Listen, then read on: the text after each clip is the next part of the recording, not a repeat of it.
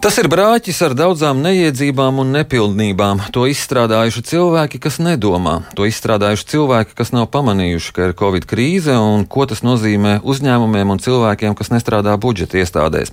Praksē tas draud ar būtisku ienākumu sarukumu, kas var graujoši atsaukties uz nozarēm, kas jau tā ir smagi cietušas no Covid pandēmijas sekām.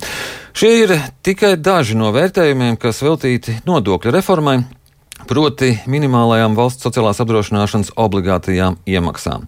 Šī daudz kritizētā sistēma kopš vakardienas ir stājusies spēkā, un par to nākamajās minūtēs runāsim ar Saimas budžeta un finanšu komisijas priekšstādātāju Mārtiņu Bondaru no attīstībai par Labrīt! Labrīt! Mēs abi esam vakcinēti un, ievērojot noteiktās prasības, varam sarunāties klātienē, kas patīkami.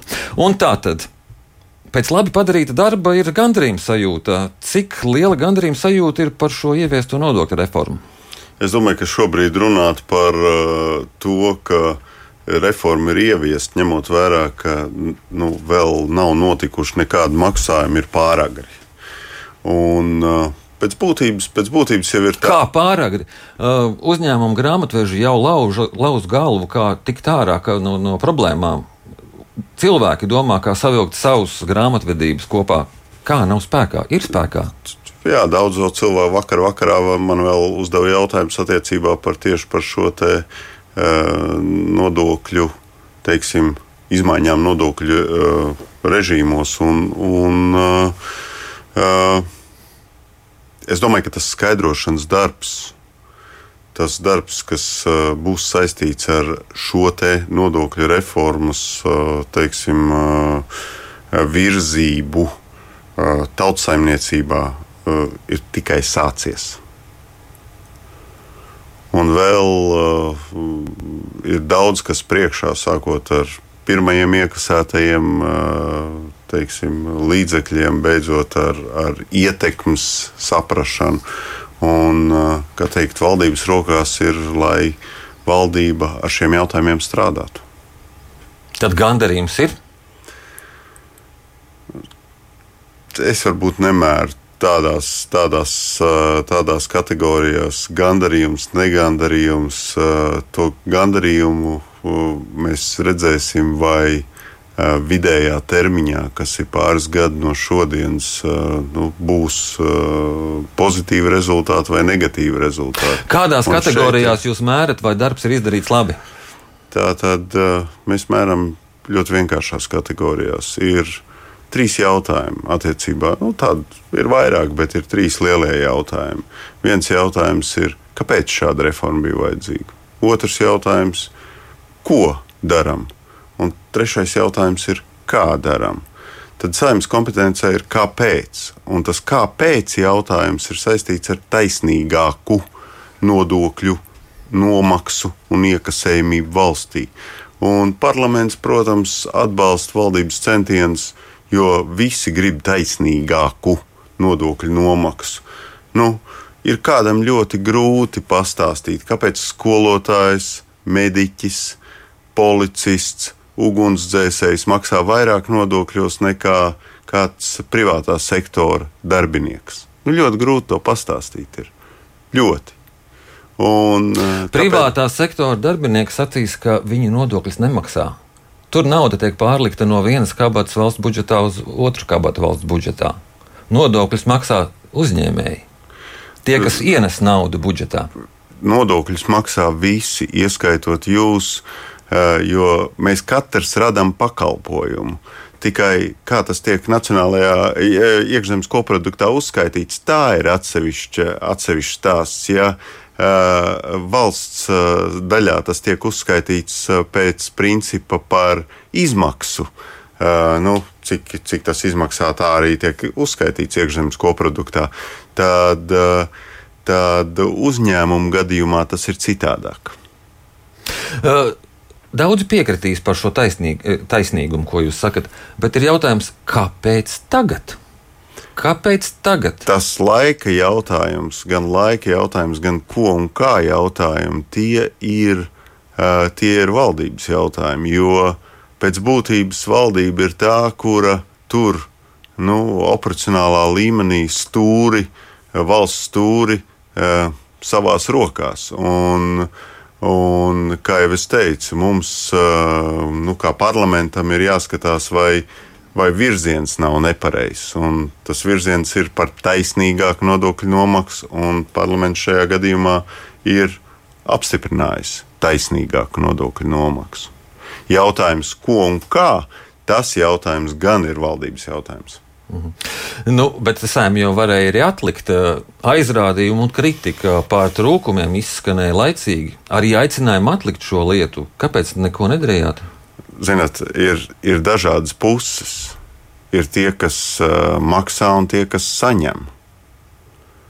Un uh, tad, kad jūs, piemēram, teiksiet pensionāram, pagaidiet, uh, uzgaidiet, uzgaidiet, varbūt jūsu pensiju samaksāsim kaut kad vēlāk.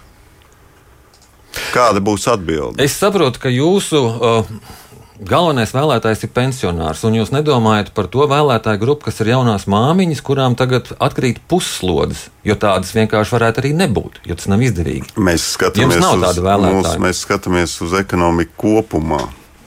Ja skatās no, no budžeta komisijas, no parlamenta uh, viedokļa, uh, un, un uh, runājot par puslodzēm, puslodzes neviens nav atcēlis. Jūs neatcēlāt, bet uzņēmējiem nav izdevīgi. Un uzņēmumi jau domā, jau likvidē pusslodzes, lai, varētu, lai nebūtu viņiem zaudējumi.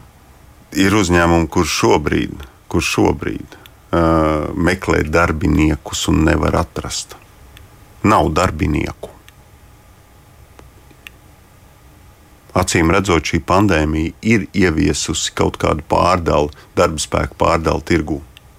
Bet jūs ar valdību runājāt par šo iespēju pārcelt šo, šīs reformas sākšanās laiku. Es domāju, ka, izlabot kļūdas. Es domāju, tad... ka šīs sarunas koalīcijā, ja tā drīkst saukt, tagad jau laikam tā drīkst saukt to, to veidojumu, tad, tad šīs sarunas regulāri, regulāri bija koalīcijas dienas kārtībā. Mhm. Bet tagad saima plāno kaut ko mainīt šajā sistēmā, lai nebūtu tik daudz. Uh, neapmierināto un lai cilvēki neietu ēnu ekonomikā? Šī sistēma, šī sistēma ir valdības redzējums, kā vajag to darīt, ko vajag to darīt un kā vajag darīt. Un, un uh, valdībai ir tas ir jautājums, vai valdība atnāks un teiks, hei, vajadzētu kaut ko mainīt. Jā, tad, tad, protams, tad protams, izmaiņas būs. Nu, valdības redzējums, bet jūs jau esat saima. Jums ir jāredz ne tikai, ko valdība dara, bet kāds ir sabiedrības noskaņojums, kā sabiedrība dzīvo. Ja, nu, kopumā nu, valsts jau nevada pēc noskaņojuma.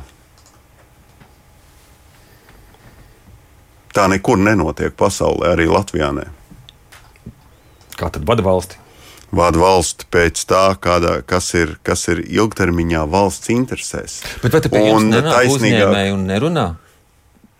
Pie manis personīgi, pie manis personīgi ir vērsušies uzņēmēji, kuriem ir darba spēka problēmas, kuri piemēram, uzskata, ka, ka, ka pēc iespējas ātrāk jālikvidē ir dīkstāvs pabalsti. Ar tirzniecības un rūpniecības kameru jūs nerunājat? Runājam, runājam, runājam. runājam. Un, un, un tad... tie uzņēmēji arī ir tirzniecības, rūpniecības kameras biedri, tikai viņus nedzird tur. Nu, katrā, katrā, katram ir savs. Ir ļoti dažādi uzņēmēji. Jūs domājat, ka pie šīs jaunās sistēmas vienkārši ir jāpierod? Nu, šī jaunā sistēma, kā jau minēju, ir, uh, ir taisnīgāka nodokļu, nodokļu iekasēšana un nomaksa. Un jautājums, vai pie tā ir jāpierod, ja tā tas jautājums tiek stādīts, tad atbilde ir jā. Un viss laika gaitā, tā teikt, normalizēsies, viss pieradīs, sapratīs.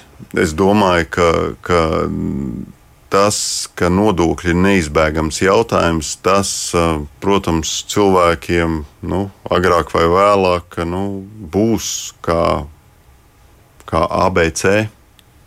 Tas nebūs. Varbūt 90. gados bija iespēja, iespēja visu ko optimizēt, offshore un tā tālāk. Tad, tad šobrīd tās iespējas paliek mazāk. Mm -hmm. Uh, Kāda būs uh, ietekme šīm izmaiņām uz nākamā gada budžetu? Labs jautājums. Mm. Mēs gaidām budžetu parlamentā. un vēl kāds laiciņš jāpagaida gan līdz 15. oktobrim. Tad šīs izmaiņas ir pieņemtas nerēķinoties ar. Protams, ka rēķinoties. Protams, tie cilvēki, kuri, kuri šīs izmaiņas veica, nu, teiksim, ja tā var nosaukt, uz papīra. Tie gan rēķināja ietekmi uz šī gada budžetu, gan nākamā gada budžetu. Un tā sarežģītākā lieta, nu jau man jācitē nelaiķis Donalds Ramsvelts, bijušais Amerikas aizsardzības sekretārs, kurš teica, ka jūs varat karot vairākus karus, jo jūsu armija ir pietiekoši spēcīga. Bet pamatot šos kārus sabiedrībai, stāvēt kameras priekšā, stāvēt mikrofonu priekšā un izskaidrot, ir daudz grūtāk nekā karot. Un tieši tas pats ir ar, ar, ar nodokļiem, ar uh, finanšu politiku. Izskaidrot ir daudz grūtāk nekā pieņemt šos lēmumus. Un tas, ka lēmumu pieņēmēju vidū ir pietiekoši gudri un talantīgi cilvēki finanšu nozarē, tas ir fakts. Tagad valdības uzdevums ir stāties mikrofonu priekšā, stāties kameras priekšā, skaidrot to, uh, kā tas ietekmēs ik katru. Mhm. Jūsu izskatā, kas ir jādara ar atbalsta pasākumiem, dīkstāvus pabalstiem, varbūt tos jāsāk atcelt? Pakāpeniski ir jāpāriet uz ekonomiku, kura uh, sadzīvo ar Covid. Uh, tajā pašā laikā, nu, saprotot to, ka Covid nekur no mums projām neiet.